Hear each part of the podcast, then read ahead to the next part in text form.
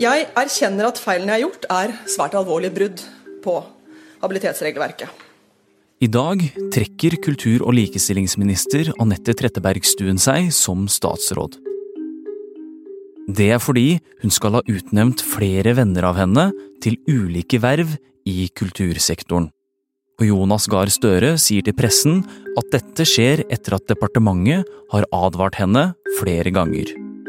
Hun har altså brutt habilitetsreglene og har vist manglende kunnskap om reglene og hva det betyr å være inhabil. Hva skjedde nå, egentlig? Du hører kort forklart fra Aftenposten. Mitt navn er Filip A. Johannesborg, og i dag har vi med oss politisk journalist Guro Aasåren. Jeg er utrolig lei meg for at mine feil også går ut over andre. Alle de fantastiske menneskene i kultur- og likestillingssektoren. Partiet, kollegaene mine i regjering og alle andre jeg nå er skuffa. Jeg har derfor orientert statsministeren om at jeg tar konsekvensen av mine feil og går av. Det var en eh, veldig preget kulturminister som møtte pressen. Det var ganske tung stemning i lokalet, eh, og det var helt stille når hun gikk opp på talerstolen med en sånn power suit. Eh, det hun forteller, er at hun har gjort grove feil knyttet til egen habilitet som minister. Og Trettebergstuen hun slet med å holde tårene tilbake. Og det var tydelig at det kostet å stå der og fortelle verden at hun nå går av som statsråd. Hva er bakgrunnen for at Trettebergstuen går av nå? 13. juni så fikk operaen nytt styre, og Den Norske Opera og Ballett er heleid av staten og underlagt Kulturdepartementet, som Trettebergstuen leder. Og kulturministeren har derfor ansvaret for hvem som sitter i dette styret. Og i det nyvalgte styret sitter nå en dame som heter Renate Larsen. Det var kulturministeren selv som i desember i fjor foreslo Larsen til dette styrevervet. Hvem er Renate Larsen, da? Renate Larsen hun er styreleder for Helse Nord, og i tillegg til å være administrerende direktør og gründer for Ocean Food. Og så er hun eh, veldig god venninne av Anette Trettebergstuen, og dette er godt dokumentert i sosiale medier. På et bilde fra 2019 kan man se Anette Trettebergstuen og Renate Larsen iført badehette i en badestamp, med teksten på bildet Fem tette, for tiden ikledd badehette. Og det er også bilder fra ferieturer, vinkvelder, kajakkturer osv. Men det er jo ikke bare utnevnelsen av Renate Larsen som Trettebergstuen er inhabil i. Hun har også utnevnt Bård Nylund til et styreverv og foreslått Tina Stigler til et annet. Hvem er disse to, da? Bård Nylund er en Ap-politiker som Trettebergstuen har kjent i flere år.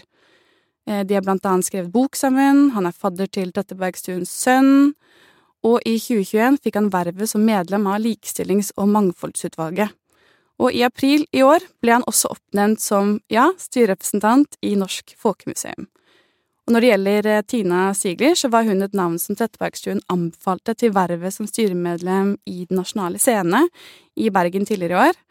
Eh, og Sigler er også nær venn av Trettebergstuen, og Trettebergstuen er også fadder til Stiglers barn. Men Stigler har ikke blitt satt inn i et verv, det er snakk om en anbefaling. Det er jo ikke så lenge siden Arbeiderpartipolitiker og kunnskapsminister Tonje Brenna meldte at hun var inhabil i en sak. Hun hadde da blant annet også gitt verv til en nær venn. Uh, Guro, har disse sakene noen likheter? Ja, det tenker jeg at de har. Uh, jeg tenker at begge sakene handler om at statsrådene har hatt en altfor dårlig forståelse av hva som gjør en inhabil. Og så er det sånn at når de tiltrer som statsråder, så får de en grundig innføring i habilitetsreglene, og det blir også bedt om å opplyse om eventuelle koblinger og generelt mennesker og venner som kan gjøre meg inhabil i en rolle som statsråd. Men det som skiller sakene, er jo at kulturministeren direkte har utnevnt og foreslått venner til styrer, og hun har vært klar over at hun har vært inhabil, og har utnevnt likevel, til tross for advarsel fra departementet. Hun har utnevnt to gode venner som hun er inhabil overfor, til verv i virksomhet i sin portefølje, og ved flere anledninger foreslått nære venner hun er inhabil overfor, til andre styrer og verv. Og dette har skjedd også etter advarsler fra departementet. Det dreier seg om viktige verv med honorarer opp mot kroner 90 000. Og det er summen av dette som gjør at Anette og jeg karakteriserer dette som svært alvorlige feil. Men det Trettebergstuen forteller på pressekonferansen om sitt vennskap til disse tre, er at hun ikke selv forsto sin inhabilitet. Eh, hvor går denne grensa for inhabilitet, egentlig? Ja, Det er et veldig godt spørsmål, og det er jo betimelig å stille spørsmål ved om hun ikke burde ha forstått sin egen inhabilitet mye tidligere. Eh, og habilitet det funker sånn at er det en relasjon som bidrar til å svekke tilliten til en persons upartiskhet, da er man inhabil. Og for Trettebergstuen sin del betyr det at man ikke skal kunne lure på om de som blir valgt inn i eksempel styret i Operaen, eh, er valgt fordi det er venn av kulturministeren, og ikke fordi de er flinke på det de holder på med og burde sitte i et styre. Eh, og det er hver enkelt statsråd sitt ansvar å vurdere sin egen habilitet. Og du skal selv vite hva som er nære relasjoner, hvem som er vennene dine, og det gjør man jo også. I dette tilfellet er det ganske klare brudd på habilitetsreglene, og derfor måtte hun gå av. Ok, så hva skjer nå da med Trettebergstuen? Ja, nå har jo Anette Trettebergstuen gått av som kultur- og likestillingsminister, så det vil da si at lederen av Arbeiderpartiet, Jonas Gahr Støre, altså statsministeren, må nå finne en ny kulturminister. Og det har han eh, sagt i dag at mest sannsynlig vil skje på onsdag. Og hva skjer med de vennene som Anette Trettebergstuen har oppnevnt i ulike styreverv nå, da? Ja, Det gjenstår å se, egentlig.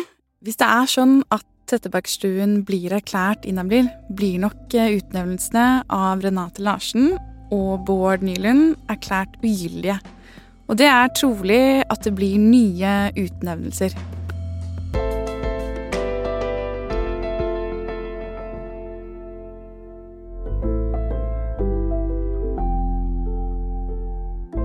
Du har hørt en kort forklart fra Aftenposten. Det var Jenny Føland og meg, Philip A. Johannesborg, som laget denne episoden, og lyden du har hørt, er hentet fra NTB.